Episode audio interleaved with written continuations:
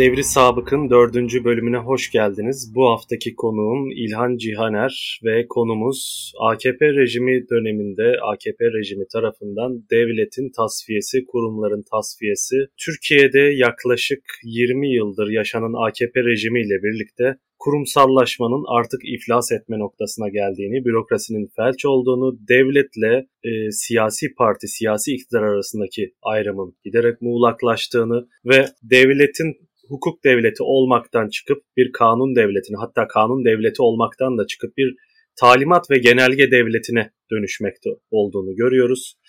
Ee, özellikle son dönemde yaşadığımız krizler e, orman yangınları krizi, öncesinde pandemi krizi, sel felaketi, e, Sedat Peker'in ve benzeri eski sistem aktörlerinin ortaya atmış olduğu yolsuzluk ve çeteleşme iddiaları karşısında e, devletin, bürokrasinin hareketsizliği, felç olmuş hali, yangınları söndürme konusundaki başarısızlık, e, toplumun yaralarını sarma konusundaki başarısızlık, pandemi krizinin yönetimi konusundaki başarısızlık ve siyasi iktidarın sağlık otoritelerine, otoritelerine olan güveni sarsması, aşıla, aşılanma konusunda ciddi bir e, kriz ve kuşku yaratması halkta.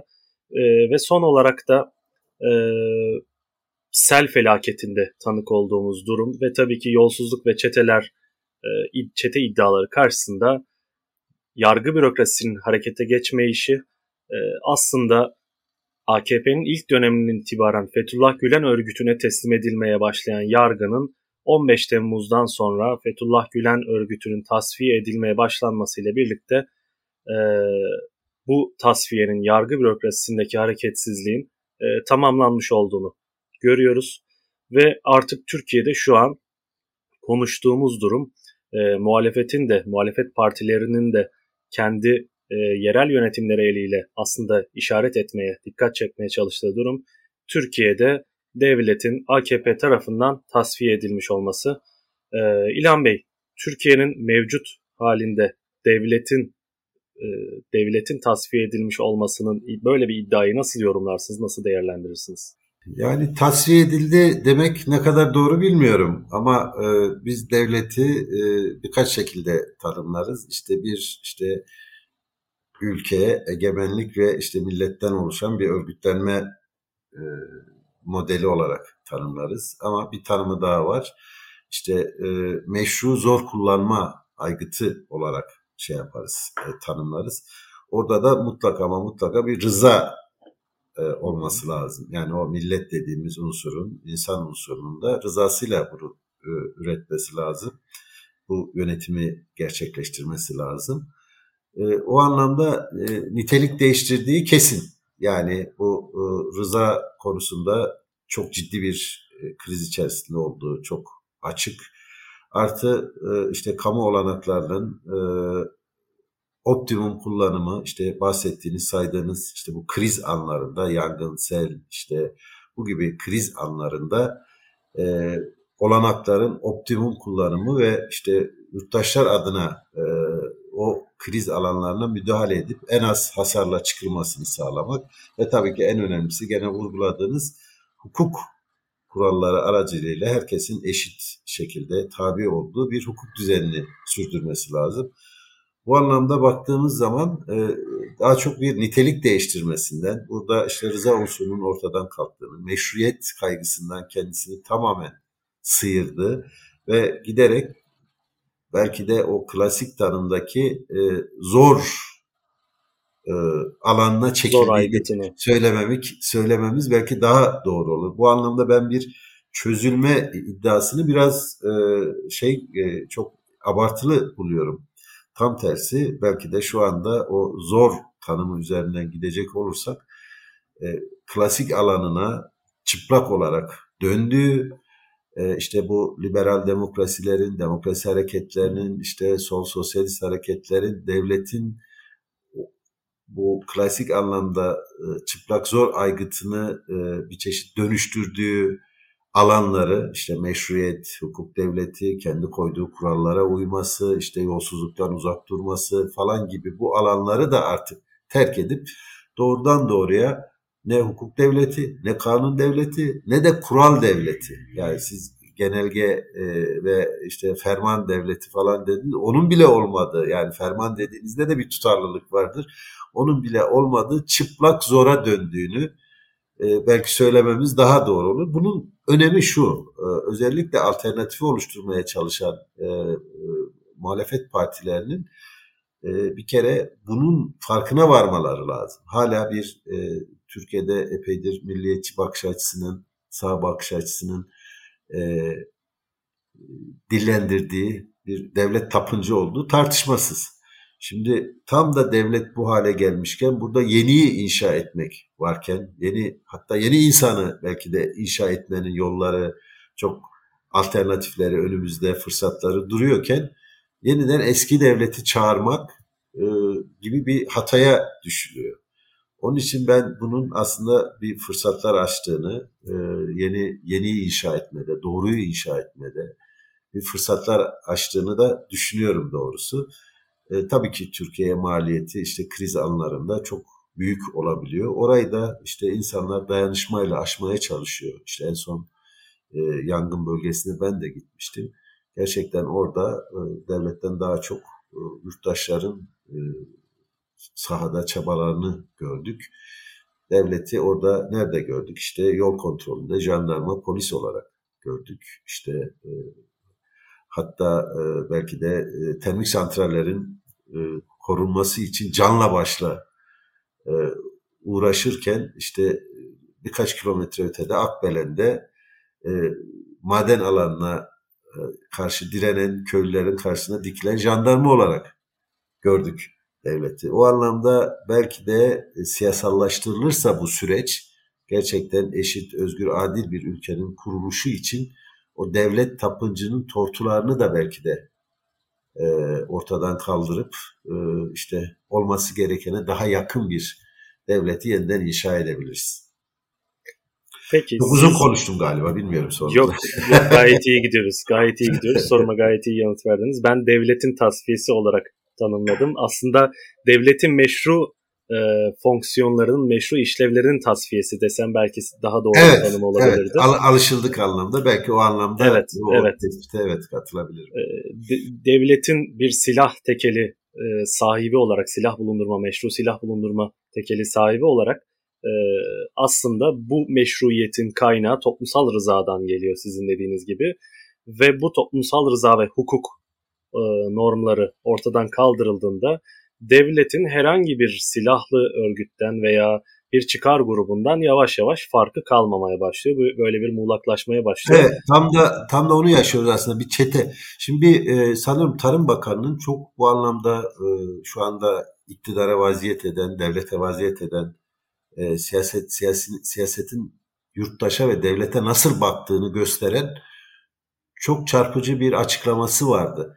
Sanırım çiftçilere bir e, kredi kolaylığı sağlanmıştı. İşte şu şu koşullarda yaşayan e, çiftçilere işte şu kadar para yardımı yapacağız, kredi açıklayacağız dedikten sonra baba oğluna bunu yapmaz demişti yani. Oysa e, devlet dediğimiz aygıt e, bürokrasisiyle şunuyla bunuyla aslında üretici bir aygıt değil ya bir çeşit e, ne diyelim trafik polisi diyebileceğimiz işte düzenleyici kaynakları evet e, kanalize eder. İşte o zor zor mekanizmalarını bir tarafa bırakacak olursak e, sanki o üreten, değer yaratan e, işte bu devlet dediğimiz bürokrasiymiş, o aygıtmış gibi de onu da keyfine göre işte baba oğula verir gibi e, veriyor. Oysa tam tersi e, o zaten o değeri üreten çiftçi ya da işte emekçiler sen o değeri en optimum şekilde kullanmakla yükümlüsün. Aynısını pandemi döneminde de yaşadık. Ve dikkat ediyorsanız son zamanlarda e, özellikle sosyal medyada işte İban devleti diye bir şey çok e, tartışıldı. Her kriz anında e, sanki e, ve, verilen e, e vergiler işte işte yurttaşların emeğiyle biriktirdiği e, o üretim sonucu elde edilen e, değerler işte sadece devlete vaziyet edenlerin e, kazancıymış gibi her kriz anında yeniden yurttaşa başvurdu. İşte bu e, gene bir kavram kullandınız. Başarısızlık. Yani artık iktidarın başarılı olduğu tek bir alanı bile belki de e, göremiyoruz. Bu bunu tespit etmemiz lazım. Tabii gene ben hep e, iğneyi de e, çuvaldızı karşıdakine ineği de muhalefete e, batırma yanlısıyım. İşte tam da burada bizim e, işte bahsettiğim yeniyi inşa etmede belki biraz daha cesur olmamız lazım. Yani de bu hale gelmişken e, bu kadar başarısızlık üzerine kurulu, başarısızlıklarla artık yürümeye çalışan ve elinde sadece zor kullanma aygıtı kalmış olan bir yapıya karşı biraz daha cesur olmamız lazım. Aslında bu durumun, bu yaşadığımız sürecin, bu yıkım sürecinin ve devletin salt bir zor aygıtına dönüşme sürecinin e, temellerinin e, ben 12 Eylül ile birlikte atılmaya başlandığını düşünüyorum. Böyle bir e, tarihsel süreklilik kurabiliriz diye düşünüyorum ve Turgut Özal'ın işte başlattığı 24, 24 Ocak kararlarıyla başlamış olan Türkiye'de e, sözde liberalleşme fakat neticede ve bugün yaşadığımız durumuyla bakacak olursak liberalleşmeden ziyade yani Türkiye'de sağlıklı anlamıyla bir kapital, kapitalistleşmeden ziyade e, kaynakların, kamu kaynaklarının e, yavaş yavaş belli çıkar gruplarına aktarılmaya başlanması, işte kronik kapitalizm denilen yozlaşmış, çürümüş bir tür e, ahbap çavuş kapitalizmine dönüşmeye başladığını ve bugün aslında iktidarın e, her anlamda başarısız olduğunu söyleyebiliriz ancak bir anlamda hala başarılı olmaya devam ediyor. O da şu diye düşünüyorum kaynakları hala kamu kaynaklarını işte bahsettiğiniz gibi sanki çiftçi lütufta bulunur gibi onlara kendi onların vergilerini kendilerine tekrar verirken bir lütufta bulunur gibi davranıyor. Ancak kamu kaynaklarını işte beşli çeteye veya o beşli çete dışındaki görünmez çete ve yolsuzluk gruplarına aktarırken hiç tereddüt etmiyor ve bu e, rant dağıtım işini hala başarıyla sürdürmeye devam ediyor diyebiliriz aslında bu yaşadığımız zor aygıtına dönüşme süreci, devletin salt bir zor aygıtına dönüşme süreci sizin de bahsettiğiniz gibi daha yeni, daha sağlıklı, daha halkçı, daha toplumcu bir devlet örgütlenmesini inşa etmenin zorunluluğuna da işaret ediyor. Çünkü buraya gelme nedenimiz tam olarak Türkiye'nin mevcut refah devleti anlayışını asgari de ölçü, asgari ölçüde de sahip olsa sosyal devlet anlayışını, refah devleti anlayışını yavaş yavaş tavsiye, tasfiye edip e, kamu kaynaklarının tamamen e, oligarşik anlamda dağıtılmaya başlanmasının neticesi. Dolayısıyla e, kamu kaynakları üzerindeki denetimin demokratikleştirilebilmesi, yaygınlaştırılabilmesi ve halk yararına kullanılabilmesi için de sizin dediğiniz gibi bir bu e, her şerde bir hayır vardır yaklaşımıyla aslında devletin daha kamucu biçimde yeniden biçimlendirilebilmesi, daha demokratik biçimde, daha denetlenebilir, denetlenebilir biçimde yeniden inşa edilebilmesi için de bir fırsat doğurduğunu söyleyebiliriz. Ben burada e, burada e, kullandığım bir iki e, kavrama e, e, yaklaşımı belirtmek istiyorum. Bu sağlıklı kapitalizm işte liberal liberal şey falan. Şimdi, yani sağlıklı kapitalizm yoktur diyeceksiniz. Ona katılıyorum. Yani kastettiğim şey aslında iyi bir şerh düşün. Evet, çok, çok, çok, şey... çok iyi anladım. Yani sizin kullandığınız e, şey anlamında değil. Çünkü bu çok dillendiriliyor. Yani hı hı. E, ya oysa işte tam da başlangıçta söylemek istediğim şey bizim tam da bunun alternatifini inşa edebileceğimiz şey.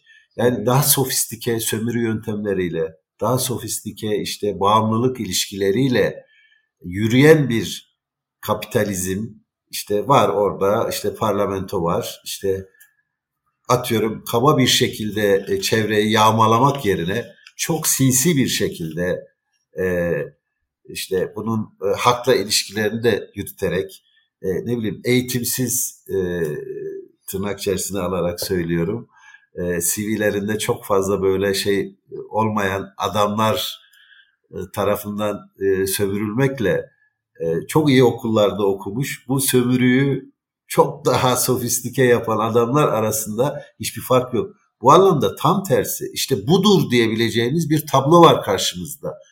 Ben onun için diyorum daha cüretkar olunması lazım. Bu anlamda beklenti yani eskinin restorası eskiyi çağırmak, öleni çağırmak yerine tam tersi dünyada da yeninin tartışıldığı bir dönemde işte refah devletinin e, krizi ortadayken dünyada yarattığı kriz ortadayken kriz, daha doğrusu krizleri aşmaktaki tıkanıklıkları ortadayken Bizim tam burada belki de daha cesur ve işte olması gereken budur diyebileceğimiz bir fırsat var e, önümüzde.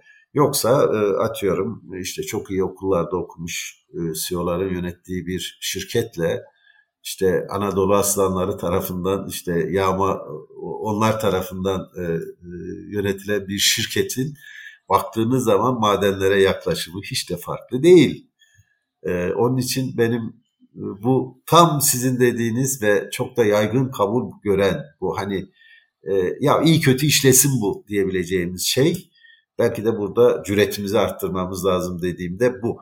Kuşkusuz e, liberal demokraside siyasal özgürlükler mevcut yapıya göre biraz daha iyi olabilir. Bu e, tarihsel olarak belki de ileri bir şeye işaret edilebilir. Bunlar tartışılabilir ama nihai olarak cüreti arttırmamız gereken bir koşullarda yaşıyoruz. Aslında dünya da bunu dayatıyor. Yani artık kapitalizmin sürdürülemez olduğu, mevcut üretim tüketim ilişkilerinin sürdürülemez olduğu, en azından dünyanın artık bunu kaldıramadığı ortadayken biz e, aynı kavramlar üzerinden e, daha iyi kuramayız gibime geliyor. Aslında ekolojik kriz sizin dediğiniz gibi ve bizim de aslında deneyimlediğimiz gibi orman yangınlarıyla deneyimlediğimiz gibi sel felaketleriyle deneyimlediğimiz gibi ekolojik kriz dünyada e, ekonomik anlamda radikal bir yapısal dönüşümü giderek daha fazla dayatıyor ve aslında neoliberalizmin, kapitalizmin merkezleri, akıl üsleri de bu dönüşümle ilgili e, baskıları tartışmaya başladı. Üzerinde oluşmaya başlayan baskıları tartışmaya başladı. İşte Great Reset denen bir büyük yeniden başlangıç denen bir tartışma içindeler. Yani sistemi ufak rötuşlarla, reformlarla belki e, ılımlı dönüşümlerle bir şekilde sürdürme çabası içerisindeler. Aslında benim e, Türkiye ile ilgili e, sağlıklı kapitalistleşme, tırnak içinde sağlıklı kapitalistleşme vurgumun e, nedeni birazcık bu konuyla ilgili bir tartışma var. Hani Türkiye'deki kap- mevcut e, ekonomik model aslında kapitalist bile değil. Bu model işte çürümüş oligarşik bir model. İşte kronik kapitalizm. Bu e, Türkiye'ye özgü bir durum veya bizim gibi otoriterleşmekte olan devletlere özgü bir durum. Bu kapitalizm bile değil tartışmaları vardı. Aslında birazcık o ayrım için o ifadeyi kullandım. Ancak e, sizin de söylediğiniz gibi yaklaşan büyük krizleri karşısında özellikle ekolojik kriz olmak üzere ve Türkiye'de bu kriz kuşağında aslında iklim krizinin en fazla etkileyeceği ülkelerden biri Türkiye. Yaklaşan büyük krizler karşısında e, mevcut devlet ve rant dağıtımı e, mekanizmalarının giderek işlevsizleşeceğini ve bunların toplumu bir arada tutabilme, toplumu devletle toplum arasındaki bağı koruyabilme, e, üretkenliği arttırma ve e, ülkedeki barış ortamını koruyabilme anlamında aslında yetersiz kalması bir yönüyle Türkiye'ye özgü bir durum, AKP rejiminin üretmiş olduğu, hızlandırmış olduğu, belki katalizör olduğu bir durum. Bir yönüyle de bunun küresel bir trendin sonucu olduğunu söylüyorsunuz siz. E, ve dolayısıyla e, yine bu küresel trendlere, küresel değişim dönüşüm baskısına paralel olarak Türkiye'de aslında böyle bir fırsat kapısının aralandığını düşünüyorsunuz? Daha evet yani daha cilası atılım yapmak için. Cilası cilası dökülmüş bir kapitalizm belki e, evet. bilememiz gereken karşımızda var. İşte tam da burada bu çelişkileri, bu e, kriz alanlarını e, kullanabiliriz, kullanmamız gerekir diye düşünüyorum. Peki e, mevcut durumda Türkiye için yani şu şartlarda 2023 önümüzde seçim var. Fakat e, genel beklenti, muhalefetteki genel beklenti e, toplumda, toplumda da bu beklenti açıkçası yükselmeye başladı. 2023'te bir iktidar değişimi kuvvetleniyor, iktidar değişimi ihtimali kuvvetleniyor şeklinde bir beklenti var. Ancak ortada oyunu kurallarıyla oynamayan bir iktidar var. Olağan siyaset zemininden kaçmaya çalışan, sürekli olağanüstü hal yaratmaya çalışan, krizler yaratmaya çalışan ve bu krizler üzerinden topluma korku salıp bu korkuyla toplumsal desteğini pekiştirmeye çalışan bir iktidar mekanizması var. Her ne kadar şu an bu kapasitesini ciddi ölçüde kaybetmiş ve kendi içerisinde parçalanmakta olsa da e, esasında bir suç ortaklığı üzerine kurulu bir ilişkiler ağı olması nedeniyle e, ciddi bir endişe içerisinde ve endişelendikçe de çılgınlıklar yapma ihtimali artan bir e, iktidar mekanizması görüyoruz. Bu denge denetleme mekanizmalarının tamamen ortadan kalkmış olduğu bu şartlarda 2023'e doğru bu meşru e, daha doğrusu şöyle diyelim bu zor aygıtına dönüşmüş devlet sizce ne gibi tehditler, riskler, unsurlar, risk unsurları barındırıyor? Böyle bir e, geleceğe dönük projeksiyonunuz var mı? Evet, e, şimdi e, zaten öteden beri benim muhalefete getirdiğim eleştirilerin birisi tam bununla ilgili.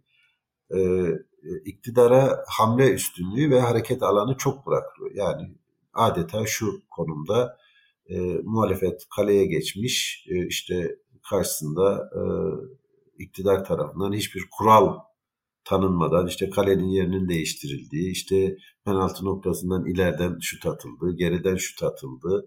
Her şeye razı bir vaziyette nasıl olsa biz bu maçı alacağız, alıyoruz e, yaklaşımı içerisindeki tutumu. E, bu her şeyden önce iktidara e, tüm yıpranmışlığına rağmen bir hamle e, olana, hamle üstünlüğü veriyor. E, onun içindir ki işte laiklikte istediği gibi oynuyor. E, tekrar geriye de dönebiliyor. Ya da işte göçmen politikası, sığınmacı politikalarında işte açık kapı politikasından dev, e, ülkenin etrafını işte duvarlarla çevirme arasında gidip gelebiliyor. İşte Kürt meselesinde işte doğrudan PKK ile görüşmekten e, Kürt yoktur noktasına kadar oynayabiliyor. İşte bu tutum yani iktidara bu hamle olanağı veren muhalefetin bu yaklaşımı e, beni doğrusu biraz tedirgin ediyor. Bir kere iktidardaki e, zayıf yani partilerdeki zayıflamayla o, o Erdoğan'daki zayıflama bir kere at başı gitmiyor.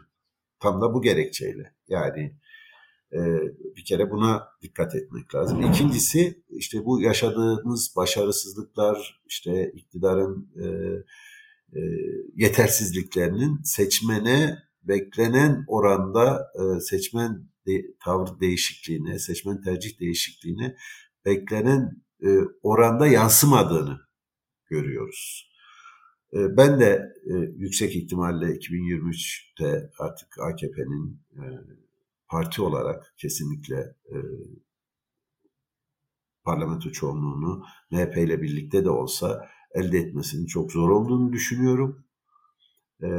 Erdoğan'ın da e, kazanmasının e, AKP kadar e, mukadder olmasa da e, çok zor olduğunu düşünüyorum. Buradan e, geri döndürmesi bu koşullarda çok zor görünüyor. Ama işte bu hamle üstünlüğü e, onu e, ona bırakılan alan ne yaparsa yapsın biz sandığı bekleyeceğiz. İşte yani düşünün şu anda Türkiye'nin üçte birinde aslında fiili bir e, apartheid rejimi var. Yani seçimler evet. tanınmamış, seçimlere el konulmuş. Sanki hiç böyle bir şey olmamış gibi yaşıyoruz. Biz hala sandık diyoruz.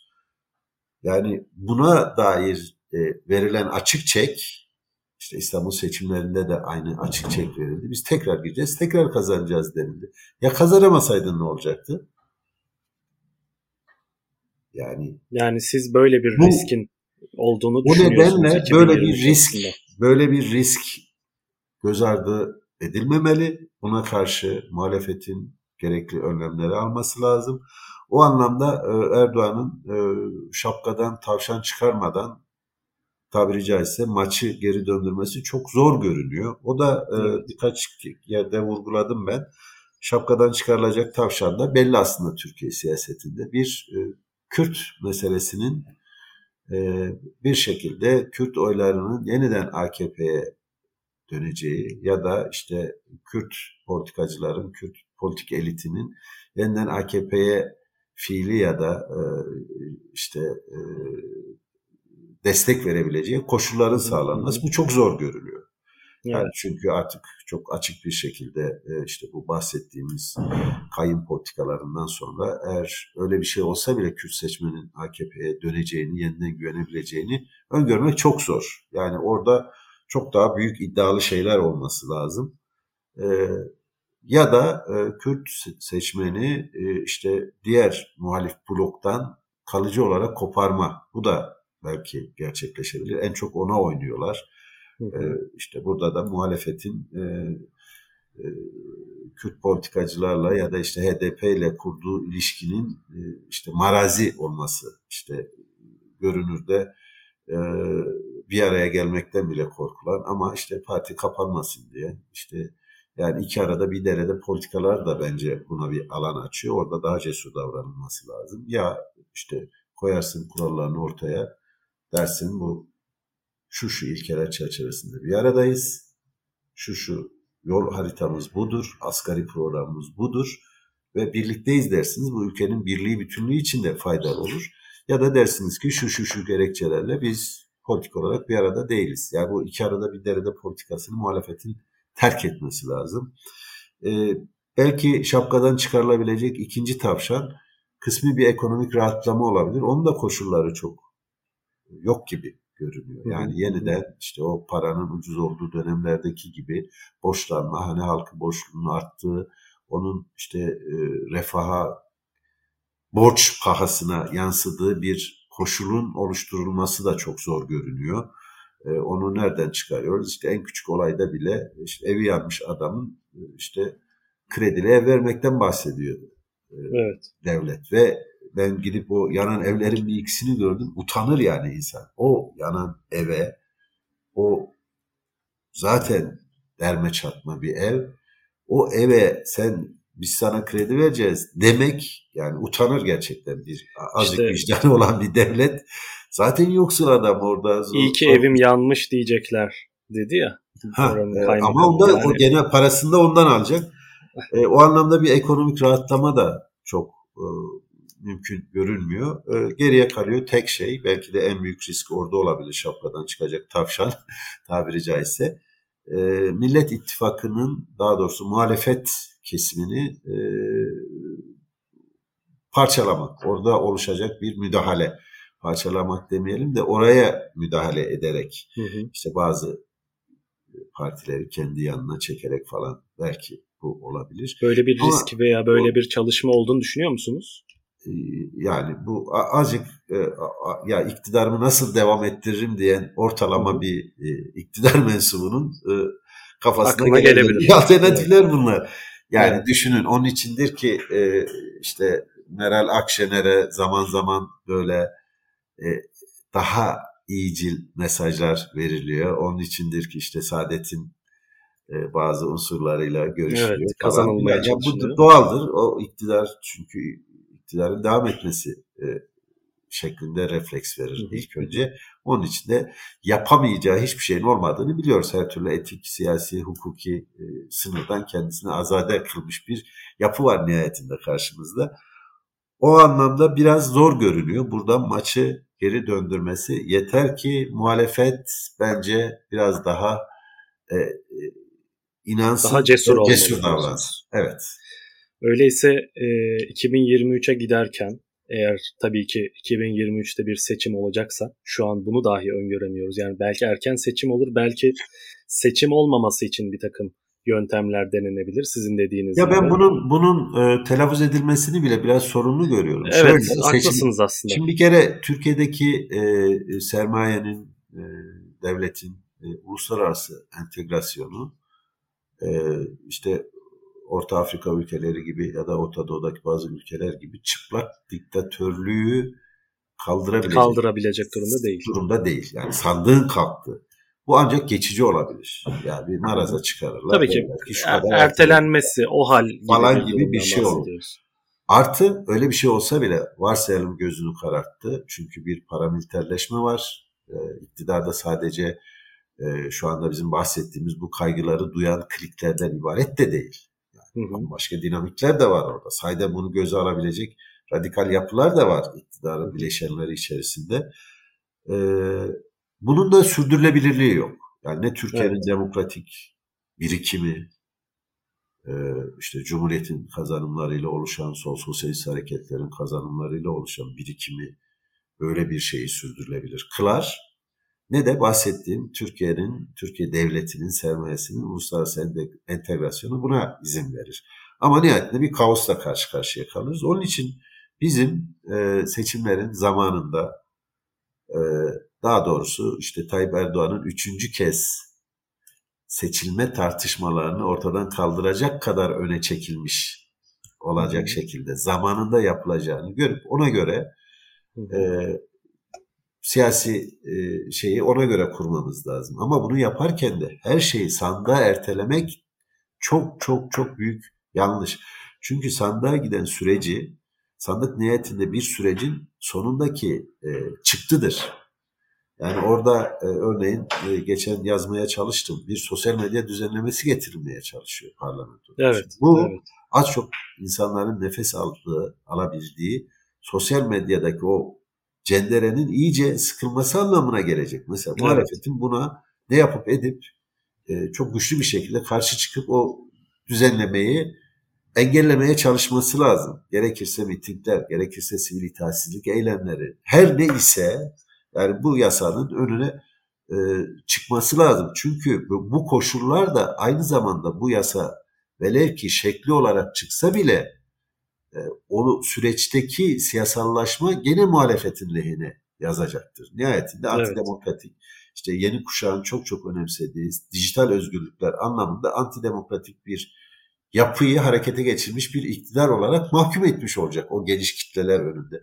Onun için burada e, sandığı işte olur mu olmaz mı e, şeklinde ya acaba gelecek mi gelmeyecek mi yerine ya en sonunda o sandık gelecek. Evet. Ama giderken de sandığın yalnızca e, son nokta olduğunu, asıl sandıktan çıkacağı bizim bu süreçte yapacaklarımız belirleyecektir diyerek siyasetsizleşmeyi bir tarafa bırakıp tam tersi hayatın her alanını politikleştirmemiz lazım. İşte muhalefet burada eksik kalıyor. Özellikle dış politikada e, çok eksik kalıyor. İşte bir millilik adı altında işte e, tabiri caizse e, Mehmetçiğin üniformasını gördüğü yerde biz arkasındayız diyor. Ya iyi de yani bu doğru mu yanlış mı maliyeti ne olur ve onun iç politikaya yansımaları ne olur bunları sorgulamıyor. onun için e, bu sandık meselesini böyle ele almak gerekir diye düşünüyorum. Hı hı. Öyleyse Gene çok denge... Yok çok iyi gidiyoruz. Çok iyi gidiyoruz. Bu denge denetleme mekanizmalarının ortadan kalktığı durumda e, iktidarla salt bu siyasi arenada e, bir güç mücadelesi yürütülerek bu sonuçlar alınabilir diyorsunuz ve dolayısıyla sizin söylediklerinizden çıkardığım anlam benim şu. Seçime doğru yani seçimi beklemeden e, muhalefetin mevcut Millet İttifakı adına her de ne derseniz diğer partilerin e, büyük bir demokrasi ittifakı oluşturmak ve böyle bir basınç üretmek, iktidar üzerinde böyle bir basınç üretmek gibi bir yöntemi benimsemesinin daha e, sonuç alıcı olduğunu mu artı, düşünüyorsunuz? Artı, artı e, sol ve e, sosyalist e, hı hı. muhalefetin de e, bu kısmen işte biraz önce bahsettiğim belki de işte restorasyoncu diyelim ya da işte geçmişi çağıran, e, hı hı. geçmişin ruhunu çağıran muhalefet diyelim. Onun da üzerinde baskı oluşturması lazım. E, sol sosyalist kesimlerin de bence bir artık bir aktörleşme, e, oyun kurucu olma yollarını daha güçlü bir şekilde araması lazım. Çünkü işte çevreden tutun işte hayvan haklarına, LGBTİ haklarına, işte bahsettiğimiz işte sığınmacı sorununa bunların tamam aslında sonu çağırıyor. Yani düşünün işte bir dönem e, sosyalizm için ütopik işte e, gerçekleştirilemez e, ama akli olan, rasyonel olan kapitalizmdir e, fikri egemenken şu anda dünyada artık tam tersi söyleniyor. Yani kapitalizmin sürdürülemez olduğunu, asıl ütopik olanın Hatta o kadar ütopik ki dünyanın sonunu işte bir 10 yıl daha böyle giderse küresel ısıtma e, bir buçuk derece daha çıktığında yaşanabilir bir dünya kalmayacak. O kadar evet. e, solu çağıran sol ya belki ekolojik sosyal, sosyalizmi falan çağıran bir e, koşullarla e, çevrelenmiş durumdayız. Burada e, yani e, ittifak kadar, Millet İttifakı kadar, e, parlamento içi ittifak kadar, parlamento dışı sol sosyalist kesimlerin de bence aktörleşmenin yolunu mutlaka ama mutlaka arayıp bulmaları lazım. E, bu e, belki de asıl çıkış buradan olacak. Aslında CHP'nin ve e, yani ortanın solu diye tarif edilen siyasal hattın AKP'nin vakum etkisiyle merkeze doğru kaymak durumunda kalması, merkeze hatta yer yer sağa doğru kaymak durumunda kalması Türkiye'de bir sol siyaset boşluğu, açıklığı yaratmış durumda ve burayı doldurabilecek özneler için oldukça söylediğiniz gibi verimli bir konjonktür var. Ee, buraya talip olabilecek, bu göreve talip olabilecek özneleri bekliyor. Böyle bir boşluk var dediğiniz gibi ve bunu... E, tabii yani e, Türkiye'de e, e, o milada siz de dikkat çektiniz. 12 Eylül sonrasında e, adım adım aslında siyasi yelpazenin tamamı sağa kaydı. Bu evet. içerisinde bulunan tüm unsurları oraya götürdü. Hani belki düzen içi diyebileceğimiz tüm unsurları oraya doğru kaydırdı. Ama Cumhuriyet Halk Partisi'nin bir de onu aşan yani genel siyasetin içerisinde sağa kayma dışında bizim öteden beri yüksek sesle de zaten eleştirdiğim için burada da söylememde sakınca yok. Cumhuriyet Halk Partisi'nde söylem olarak kadro olarak bu e, biraz daha o, ortanın solu işte e, kavramını da epeyce sağlayıp geçecek bir kayma şeklinde tezahür etti. İşte bunu en çok sığınmacı e, meselesindeki e, dilde görüyoruz. İşte sınır dışı operasyonlardaki dilde e, görüyoruz. Laiklikle ilgili tutumunda görüyoruz. Onun için bir solun bence aktörleşmesi için tüm koşullar aslında var. Anlıyorum. Peki son olarak şunu şöyle bitirelim. E, ee, 2023 e, bir dönüm noktası olabilir Türkiye tarihi açısından. Bahsettiğiniz gibi e, artık ortadan kalkmış olan devlet kurumlarının yeniden inşası, inşa etme göreviyle karşı karşıya olacağız ve tabii ki bu görevin bu inşanın ne yönde olacağı da sizin şu an belirttiğiniz gibi 2023 öncesindeki güç mücadeleleri, buradan çıkacak yeni ittifak e, belki modelleri bunun siyasi programı belirleyici olacak. Türkiye'de yeni bir kurumlaşma, e, yeni bir devlet atılımı, meşru kurumların yeniden inşası için gerekli e, bir sürece gireceğiz ve bunun ne yönde olabileceğini, fırsatlar ve riskler neler? Yani siz e, şöyle tanımlıyorsunuz, bir, restorasyoncu kanat var, eskiyi çağıran, sistemi makyaj yapmayı savunanlar var diyorsunuz. Ama aslında daha bu fırsatı hazır yol düzlenmişken, hazır e, hafriyat yıkıntı kaldırılmışken daha iyisini yapalım diyorsunuz. E, gördüğünüz olasılıklar nelerdir, e, fırsatlar nelerdir? Bundan sonrası nasıl ilerleyecek? Yani ben şu, şöyle bir soru sormuş oldum size. 2023'te AKP iktidarından kurtulduğumuzda Türkiye ne yönde ilerleyebilir? Neler yapmak Önce, önce riskleri söyleyeyim. Programımızın da adı Devri Savık. Ee, muhalefet tarafından e, bu devri savuk kavramının kategorik olarak e, reddedileceğine dair çok güçlü sinyaller alıyoruz. Bir kere bu e, hukuk devletini savunup bir yandan, e, öte yandan devri sabık yaratmayacağız demek e, mesela en büyük riskin o olduğunu düşünüyorum. Eski ben bunun tak, bu arada ben bunun taktiksel olduğunu düşünüyorum ama e, açıkçası Yok taktiksel, taktiksel böyle bir risk var dediğiniz gibi. Şöyle taktiksel olmadığını e, şurada gördük. E, yerel yönetimlerde e, aslında e, kısmi bir iktidar yaşanıyor evet, şu anda. Evet. Çok güçlü bir devri sabık yaratıldığını e, söylememiz mümkün değil. Kadro olarak, evet. yönetim tarzı olarak, bakış açısı olarak kuşkusuz AKP dönemi büyükşehir belediyeleriyle mukayese edilemeyecek uygulamalar var. Ama e, bir e, devri sabık deyip işte geçmişin hukuksuzluklarıyla e, işte mesela İstanbul'da 20 yıl İstanbul'u yöneten Kadir Topbaş'ın adı bir bazı yerlere veriliyorsa bir çeşit iadeye itibar yapılıyorsa orada bir sorun vardır diye düşünüyorum. Evet, evet. yani bu anlamda. E, çünkü bu çok sembolik bir şeydir. Ya da benzer bir sürü şey. E, işte ya da işte AKP döneminin X yöneticisi e, sanki e, bulunmaz Hint kumaşıymış gibi e, hala çok kritik görevlerde olabiliyorsa ya da AKP döneminin prensleri işte yönetici konumlarda devam edebiliyorsa bu bir kere birinci risk bu. Bir kere burada bir gözden geçirilmesi lazım. İkincisi liyakat kavramının ele alışı. Liyakat kavramını maalesef muhalefet şu anda e, şu şekilde ele alıyor. İşte bir iyi bir okulda okumuş, işte CV'si dolu falan gibi ele alıyor. Bu bazı riskleri e, çağırıyor. Bir kere sınıfsal olarak böyle bir sorun var. E, çünkü e, artık geldiğimiz noktada eğitim, işte CV'yi doldurmak her şeyden önce bir e, para işi. Yani evet, evet. o anlamda olanak liyakati bir gözden geçirmek lazım. Hatta öyle bir sistem kurmak gerekir ki e, sistem e, kişi şeyine çok az ihtiyaç duysun.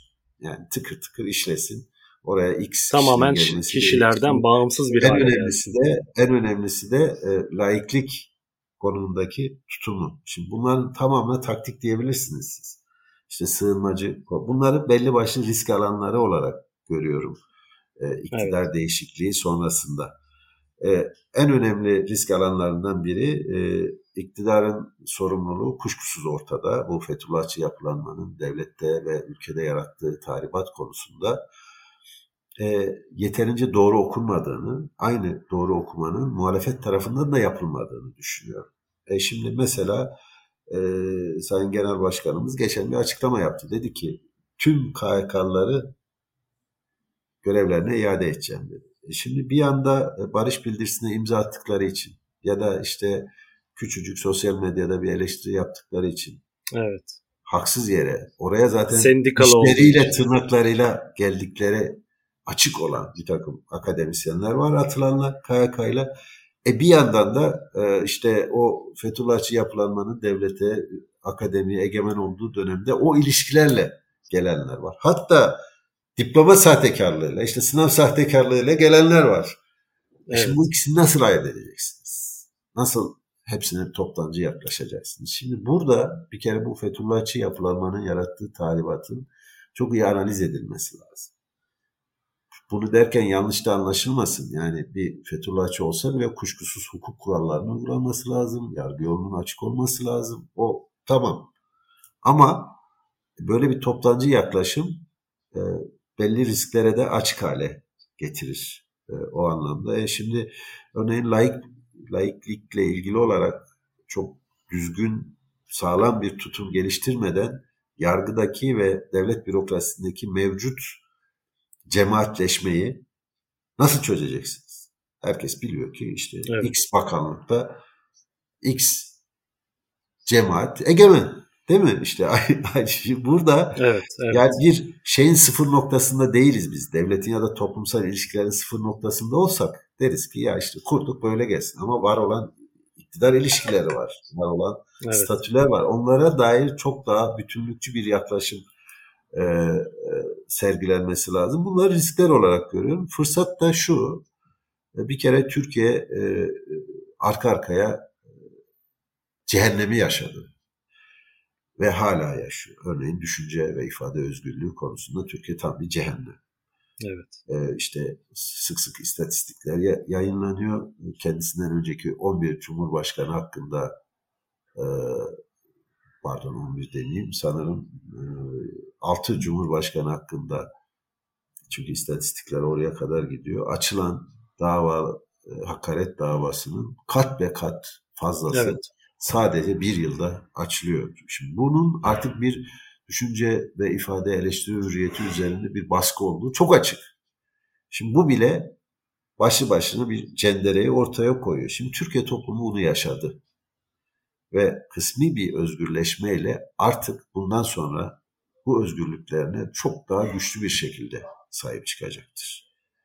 İşte bunların da fırsat olduğunu düşünüyorum. İşte onu kısmen belediyelerde görüyoruz. Yani insanlar e, o belediyelerdeki eleştirdiğimiz kısımları bir tarafa bırakacak olursak e, kısmi rahatlamaya bile ne kadar büyük bir e, e özlemle savunuyor, sarılıyorlar. E, açlarmış. Yani evet, evet. küçücük jestler bile insanlarda o kadar bir şeye e, mutluluğa yol açıyor ki e, bunun da bir fırsat olduğunu düşünüyorum. Yani bir cehennemi yaşadık. Hı hı. Yaşıyoruz. Üstelik birkaç kere değişik aşamalarda hukuk cehennemi yaşandı. E, o anlamda bunda fırsat olduğunu düşünüyorum. Belki çelişik gelecek ama fırsatlardan birisi de e, AKP'nin kendi e, getirdiği e, Cumhurbaşkanlığı sistemi. E, bugünden yarına Cumhurbaşkanlığı sistemi değişmeyecektir. Anayasa değişmesi gerekir. İşte bu süreçte AKP'nin oluşturduğu e, nasıl diyeyim e, bazı mekanizmalar e, iktidarın elini doğru kullanırsa rahatlatacaktır. E, bunlardan birisi örneğin e, Cumhurbaşkanlığı kararnamesiyle işte belli e, şeyin üzerindeki e, bürokratların görev sürelerinin Cumhurbaşkanı'nın görev süresiyle e, sona ereceği gibi bir düzenleme var. Bu muhalefete evet. iktidar değişiklikleri aldıktan sonra olağanüstü bir hareket alanı sağlayacaktır. Doğru kullanırsa. İşte bazı olumsuz örneklerini vermiştim. Bunun da bir fırsat olduğunu düşünüyorum. Yani o ister restorasyonu diyelim, ister yeninin inşası diyelim. O süreçte e, bunun e, kullanılması gereken bazı enstrümanlarını da göz ardı etmemek gerekir diye düşünüyorum. E, daha cesur olunursa çok daha fazla fırsatlar çıkacaktır. Türkiye'de siyaset çok hızlı değişiyor. Olağanüstü değişiyor. Yani hiç kimse e, Gezi'yi öngöremiyordu. E, hiç kimse e, işte e, eski bir e, suçla adı anılan kişinin işte gençler üzerinde bu kadar bir e, etki edeceğini öngöremiyordu. Evet, işte evet. birdenbire e, değişebiliyor Türkiye'de siyasi dengeler. E, yeter ki dediğim gibi e, sağlam değerlerimiz olsun. O değerlere cesurca sahip çıkalım. E, her şey e, iyiye gidecektir diye düşünüyorum.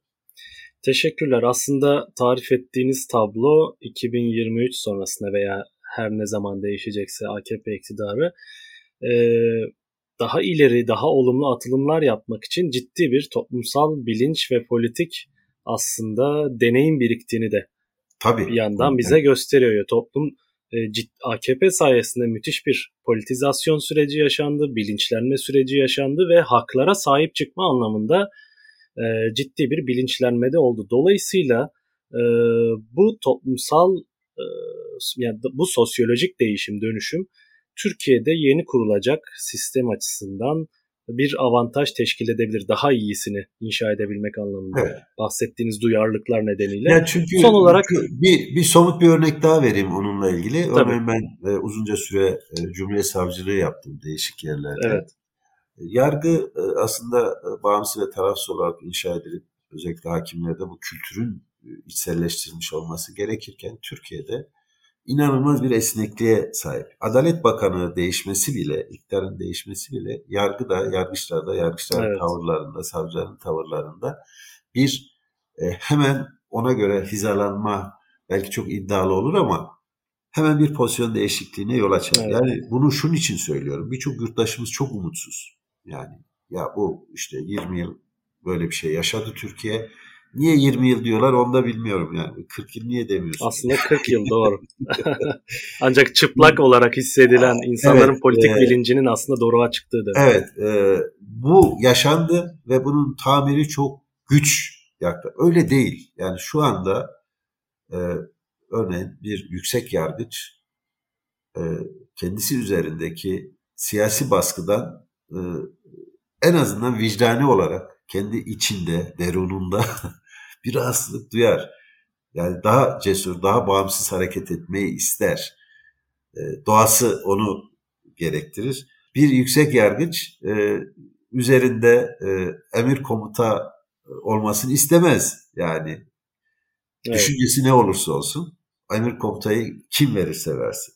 Yani belki aynı kararı verecektir. Aynı şekilde bir hukukçu performansı gösterecektir ama e, doğası gereği insan daha özgür olmayı bekleyecektir, isteyecektir.